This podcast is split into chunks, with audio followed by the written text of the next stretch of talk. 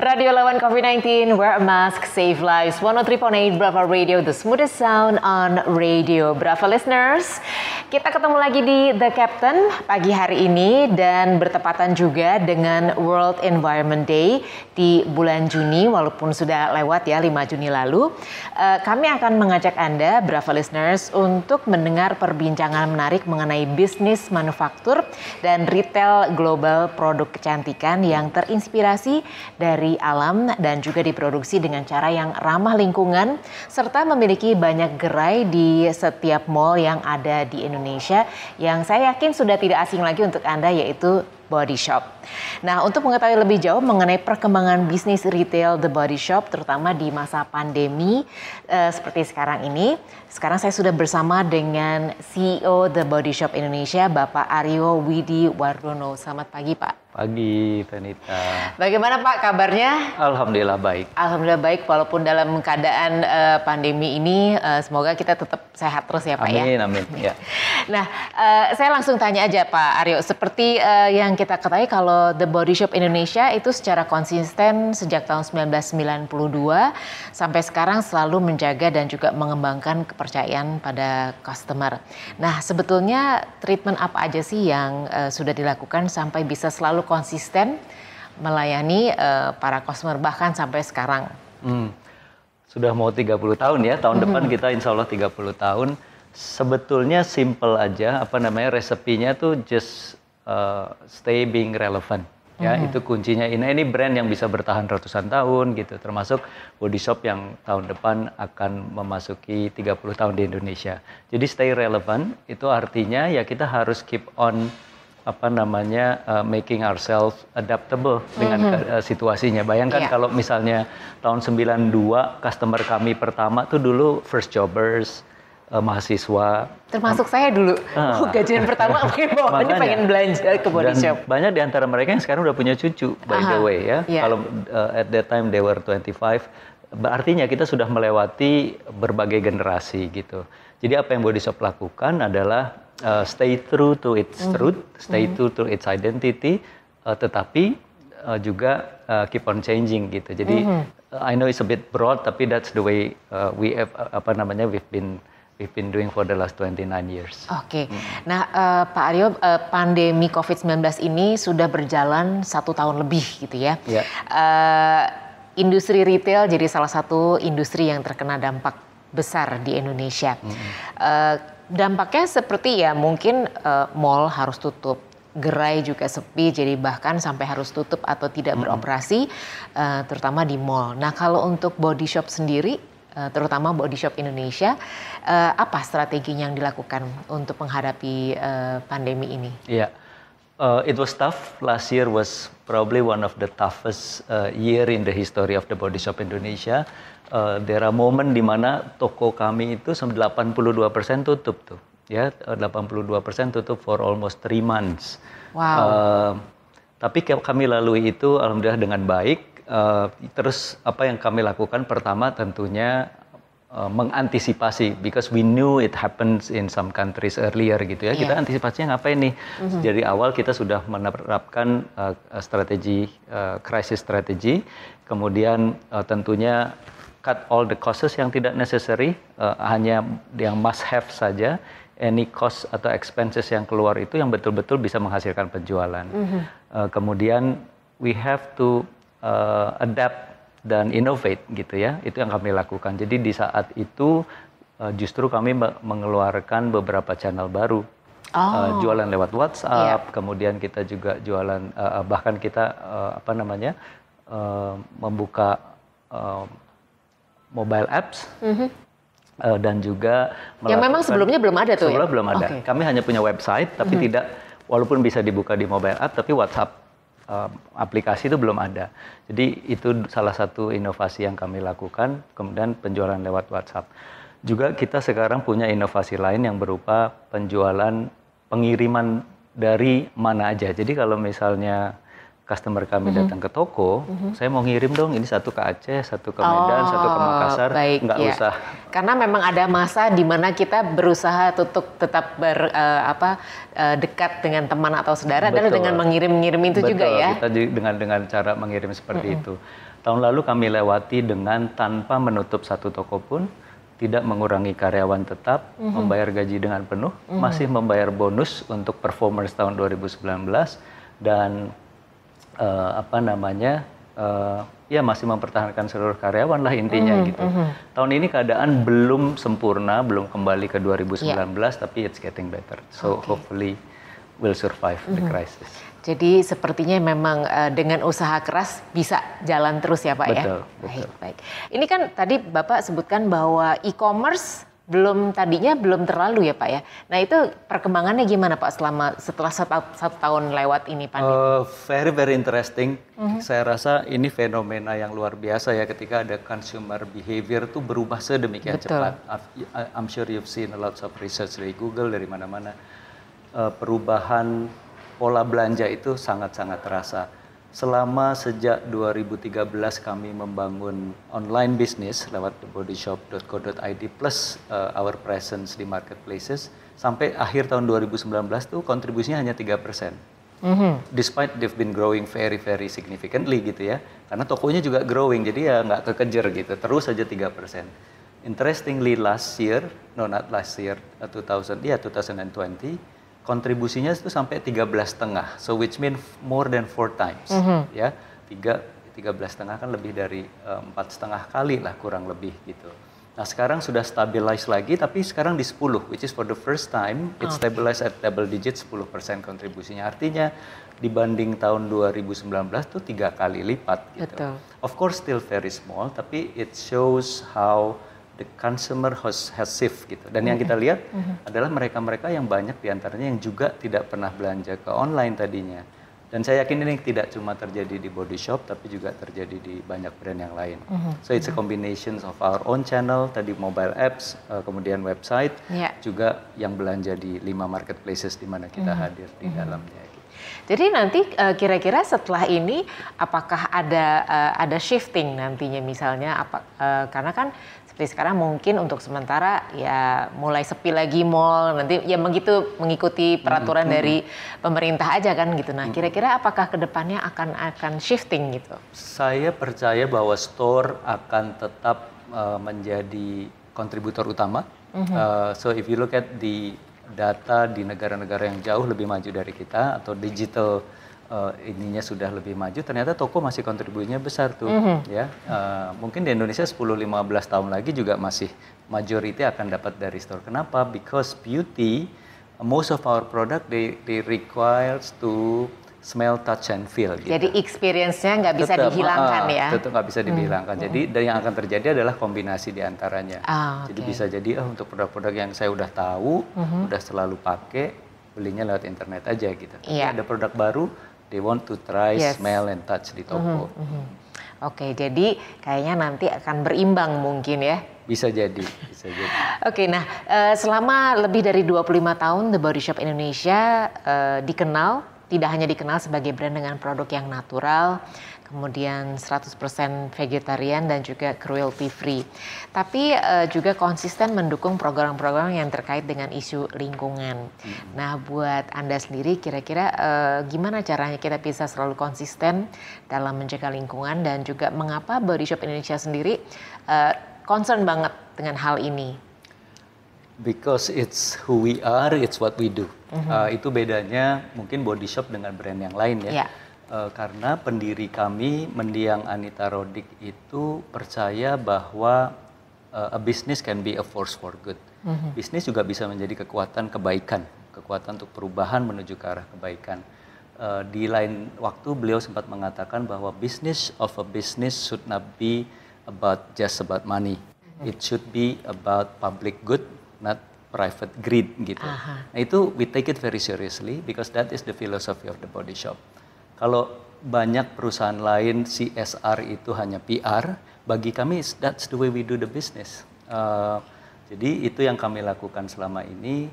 Uh, kami percaya bahwa tugas body shop why we exist is mm -hmm. to mhm. fight for a fairer and more beautiful world. Gitu. Ah. Kita mau berjuang supaya dunia ini lebih indah dan lebih adil. Jadi itu yang kami lakukan. Mm -hmm. uh, profit will comes naturally, but as a business we have to actually apa namanya become an agent for change Mm-hmm. Gitu. Dan itu masih terus terus dilakukan. Ya, Kebetulan baik. Bu Susi mm-hmm. dan Pak Hutomo mm-hmm. memiliki prinsip yang sama ketika membawa uh, bu, apa namanya Body Shop ke Indonesia tahun 92. Oke. Okay. Nah, uh, The Body Shop Indonesia juga mendirikan sekolah bisa Mm-hmm. Ya, yaitu sekolah gratis yang ditujukan untuk anak-anak uh, di pemulung usia 6 tahun hingga 12 tahun yeah. dan ini memberikan mereka pendidikan yang layak. Selain mm-hmm. itu juga merumuskan green curriculum yaitu edukasi yang membangun siswa sekolah bisa untuk memahami keterkaitan mereka dengan lingkungan, mm-hmm. baik itu secara uh, alami maupun sosial.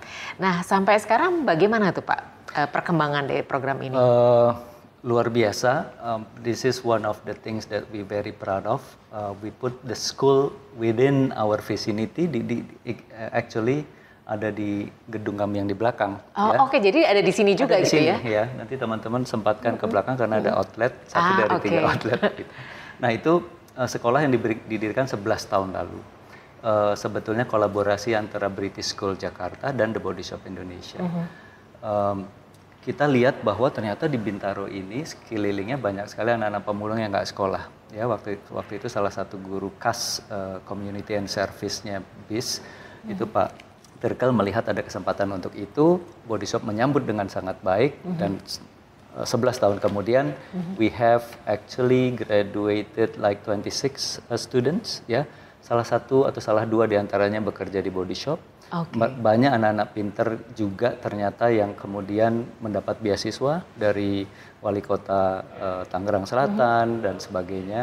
Dan ini salah satu kenapa juga British School menjadi one of the best British School in the world because of their collaboration atau kemampuan mereka untuk eh, sama-sama uh, dengan kita.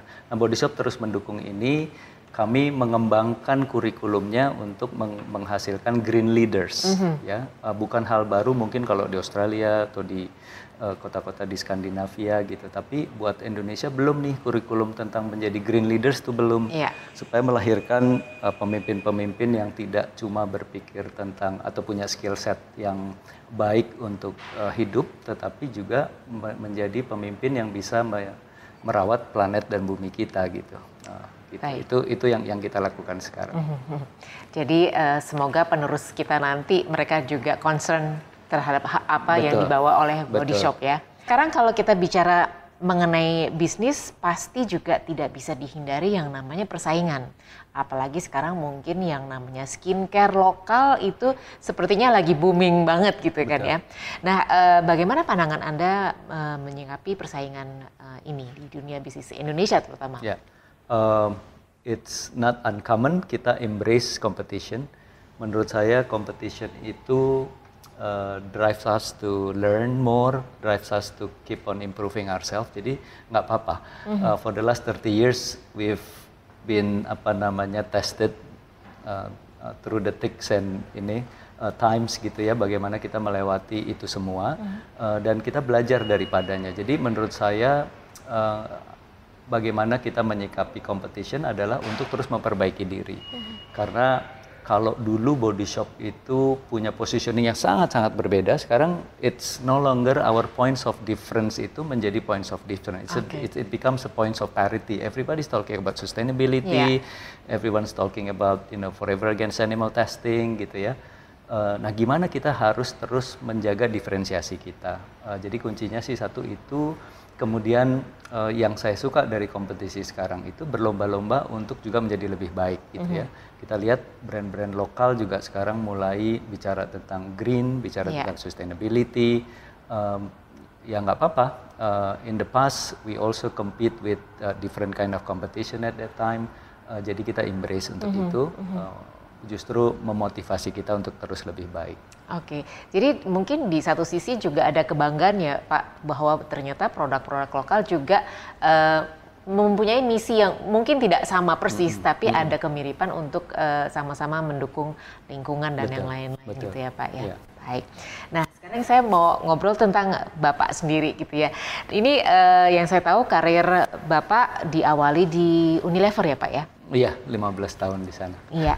Ini sebagai research executive sampai sekarang di Body Shop menjadi CEO. Nah dari perjalanan karir Anda tersebut, apa aja sih Pak tantangan yang dihadapi karena ya mungkin dari uh, apa pengalaman yang dulu ini uh, sekarang di di Body Shop berbeda kalau kita lihat produknya kayaknya sama mm -hmm. gitu kan sama mm -hmm. kan dulu di di Unilever ya sama-sama yeah. juga gitu yeah. personal care foods and home care gitu sekarang saya balik lagi ke personal care I had always been inspired kalau di awal tahun 2000-an mungkin Vanita masih ingat ada uh -huh. ada tagline yang sangat bagus dari sebuah uh, brand airline uh -huh. ya waktu itu dia bilang gitu when was the last time you did something new for the first time and it really shocks me gitu saya iya ya saya nggak pernah ngelakuin yang lain 15 years I've been with the same company it doesn't mean that I at that time I, apa namanya I don't love the company I love the company so much tapi I just don't want to grow old and regret that I haven't tried anything uh -huh jadi saya pulang dari, saya sempat alhamdulillah ditugaskan ke Italia, kemudian ke UK, balik lagi ke Indonesia. Saya datang-datang langsung bilang, saya pengen coba yang lain gitu. Ya, of course dimarahin lah ya. Kamu tuh udah diginiin. Tapi anyway, so perbedaannya apa? Menurut saya Unilever mendidik saya untuk lebih terstruktur, proses yang sangat baik. It's a huge company, you have lots of support that you can ask for. Mm -hmm.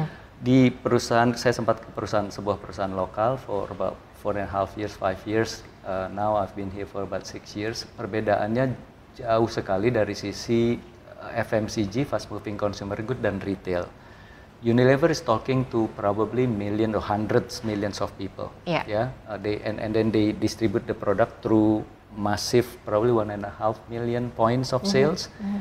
Body Shop cuma 140 170 sekarang kita punya toko gitu ya di 42 kota. Tapi we we, we do it uh, by ourselves dari ujung ke ujung. Kita tahu siapa yang beli, kita tahu. Nah itu perbedaannya menurut saya. Yeah. It's a it's a rhythm, it's a uh, apa namanya uh, prosesnya juga jauh lebih cepat. Retail inovasinya jauh lebih cepat. Uh, kalau FMCG mungkin tiga tahun sekali salah satunya itu. Kemudian dari sisi price juga tentunya beda. So all in all uh, saya jadi belajar banyak mm-hmm. through different industries dan uh, memperkaya was apa namanya wacana saya aja tentang berbagai bisnis di, mm-hmm. di, di Indonesia gitu. Baik baik. Nah uh, kalau pembelajaran uh, pembelajaran personal yang uh, anda alami selama berkarir ini pasti juga berpengaruh dengan gaya kepemimpinan yang diterapkan. Mm. Nah kalau menurut anda bagaimana sih uh, gaya kepemimpinan yang diterapkan selama ini?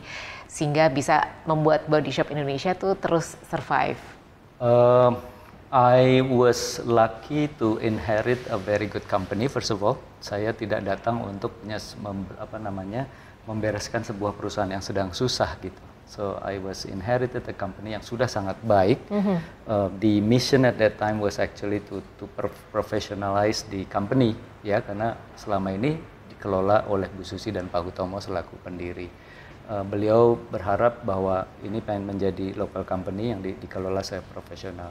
Kepemimpinan saya menurut saya sangat demokratis ya. Uh, I was apa namanya uh, taught in in in a environment di mana kita memiliki leader-leader yang juga capable di bidangnya masing-masing. Mm -hmm. Seorang saya nggak mungkin lah bisa mengerti semua gitu. So uh, the the the the first thing first adalah uh, get the right people on the job and and that helps you. And then kalau saya melihat fungsi saya sebagai CEO sebenarnya cuma tiga. Mm -hmm. uh, one is setting a direction. Okay. Yalah, di CEO-nya harus harus ngasih direction dong yeah, gitu yeah. ya. Uh, and then the second buat saya adalah provide resources that the company can afford. Mm -hmm. Resources is always limited. Gak mungkin lah sekaya kayaknya perusahaan pasti ada limitasinya. Yeah. Ya udah dibagi-bagi deh. Ini kamu resourcesnya ini ya, ini minta segini saya kasih segini gitu. That's the way I look at my responsibility. And then the third one adalah providing the right environment for the company to grow. Mm-hmm. Nah, jadi environment itu sangat penting. Bagaimana saya memastikan culture-nya cocok, uh, apa namanya orang bekerja dengan dengan uh, environment yang terbaik sehingga bisa memberikan hal yang terbaik untuk mereka. And and and and that's basically the way I look at my role. Oke, jadi tiga pen, yang tiga penting itu, itu ya. Ha. Baik, baik. Kalau untuk Bapak sendiri dengan kesibukan uh, yang sekarang dijalankan, kira-kira bagaimana Bapak membagi waktu antara pekerjaan dengan keluarga dan juga mungkin hobi yang lain? Oh, uh, nggak ada masalah sih ya, because I mm -hmm. thought I found um, one of the best jobs uh, di yang ada gitu. Uh, dulu Confucius tuh pernah bilang find a job you love and you will never have to work a day in your life. Yeah. That's what I feel. Aha. Kenapa? Karena menurut saya bekerja di body shop it's more than just working. It, it's about giving uh, apa very fulfilling role in giving positive impact to the community, to the planet gitu. Jadi bekerja sambil juga beribadah. Um, saya membagi waktunya ya lari tiap pagi, almost every day saya lari uh, 6 to 7k kalau working days, kalau weekend bisa lebih lama 10, 12 gitu. Um, karena nggak ada maraton lagi ya udah saya lari-lari biasa aja. And um, I almost come to office almost every day. Um, kenapa kan COVID? Karena saya ada ruangan sendiri, jadi saya minta memang apa namanya walaupun agak lagi kosong ya saya bisa bisa tidak mengganggu yang lain dan tidak membahayakan. Jadi yang selama lain. ini, selama pandemi ini Bapak selalu datang ke kantor? iya, Oke, selalu. jadi nggak ada work from home ya untuk Bapak ya? Saya nggak ada. Oke. Kenapa? Karena enam karyawan kami mayoritas yang ada di toko masuknya enam hari dalam seminggu. Baik. And they have to work during holiday. They even have to work during weekend karena di situlah justru kami panen biasanya kan. Iya. Nah, kalau mereka yang membayar gaji saya masuk enam hari seminggu, masa CEO-nya working at home gitu Ah, kan? iya. Do they know that? Uh, I don't know. I'm, I'm sure they do. Mungkin harusnya tuh boleh dong di-share ke Uh, bahwa maksudnya dalam arti bahwa mereka juga punya semangat yang sama gitu Oh iya, saya selalu CEO-nya. sampaikan, tapi saya nggak selalu bilang saya juga masuk. Iya, iya, iya. But, but I, I, I, think they do. Um, for, for me that is one of the responsibility. Yang kedua juga show support untuk mereka gitu. Eh kami juga kerja loh di, di, di head office, nggak kalian aja yang Iya. yang ada di lapangan gitu. Um, bagi waktunya saya punya tim yang sangat baik ya. Saya I, I have a very com- competent board of directors. Kita sebutnya executive committee members. I have a very good um, uh, CEO office support ya yang membantu saya menschedule agenda saya satu minggu ke depan, dua minggu ke depan, satu bulan ke depan. They prepare almost all my presentation, my speech. Saya udah tinggal lihat aja, they know exactly what's in my mind gitu. Uh, jadi buat saya semuanya se- serba dimudahkan. And my team have always come to me with an options gitu. So most of the time making decisions has been made very very easy buat saya. Pak ini A, ini B, ini faktanya tinggal kita putuskan sama-sama. So so that's the way I run my day. Oke. Eh, Kalau katanya eh, eh, vokalis band juga Pak. Eh, karena saya vokalisnya akhirnya band itu bubar. Oh gitu. Uh, Alhamdulillah. No, it's yeah, ex- actually saya punya band namanya Semansa Band karena SMA 1 Cirebon. Uh, kita berlima sahabat baik dari some of them uh, grew up together since we were elementary school. Jadi kita udah berteman 40 tahun lebih ya. Uh, unfortunately one of my best friend pass away Maret tahun lalu karena COVID. Tapi kami berempat masih sering ketemu paling nggak sebulan sekali. Uh, ya kita nyanyi-nyanyi sedikit. Bandnya tidak pernah apa namanya uh, go anywhere Iya. again because of my the quality of the vokalisnya parah sekali. Tapi yang penting membuat hati senang ya, membuat Pak, hati ya? senang. ha. Ya, kita masih masih suka ketemu. Uh, dan itu relieving stress juga.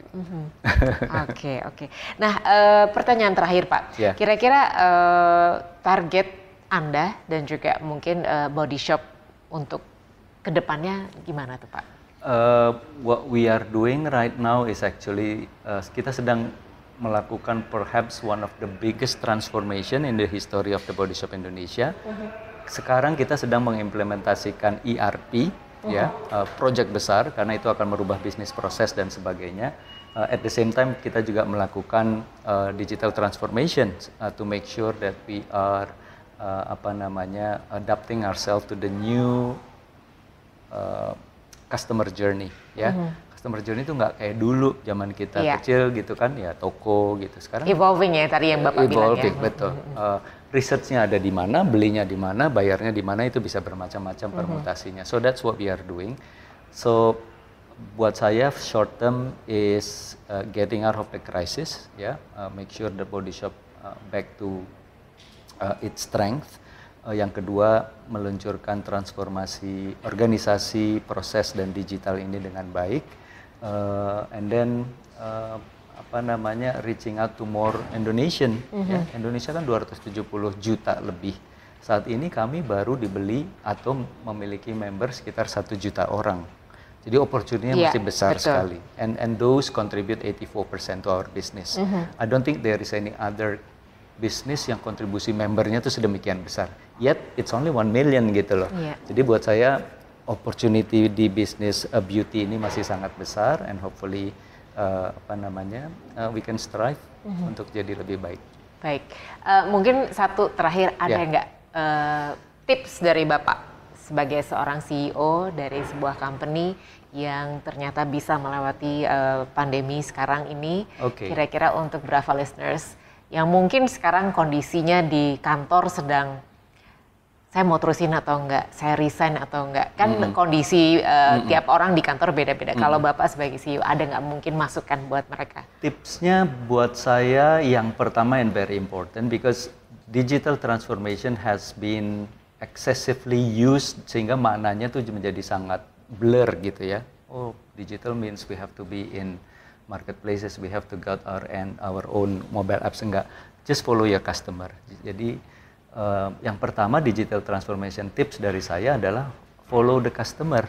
Customernya butuh apa? Not necessarily you have to follow some other companies gitu. You have to know exactly eh, apa namanya perubahan apa yang harus kita lakukan sesuai dengan customer kita. Kemudian yang kedua eh, apa namanya choose the right technology because the technology is changing very fast. Apa yang sekarang bagus belum tentu besok bagus and and not all of us are digital companies ya. Nggak semua kita adalah Tokopedia, nggak semua kita Iya. adalah OVO dan sebagainya. Body Shop used to be a brick and mortar company. Jadi buat kita pindah ke digital itu wah luar biasa perubahannya kan. People, money dan sebagainya. Yang ketiga get the right people ya. Uh, tipsnya banyak sekali teman-teman Iya. di luar sana, tapi kalau saya mungkin tiga itu. So follow the customer, kemudian apa namanya choose the right technology and get the right people. Baik, terima kasih Pak untuk ngobrol-ngobrolnya di pagi hari ini. Saya yakin eh, obrolan kita hari ini bisa eh, menjadi inspirasi dan juga masukan untuk Brava listeners dan yang pastinya eh, sukses terus untuk Amin. eh, Bapak dan juga untuk The Body Shop. Semoga semua yang ditargetkan tercapai ke Amin. depannya. Terima Baik. Brava listeners, eh, itulah tadi obrolan saya bersama CEO The Body Shop Indonesia, Bapak Aryo Widi Wardono. Dan pastinya Anda jangan ke mana-mana karena saya masih akan terus bersama Anda di Good Day Jakarta.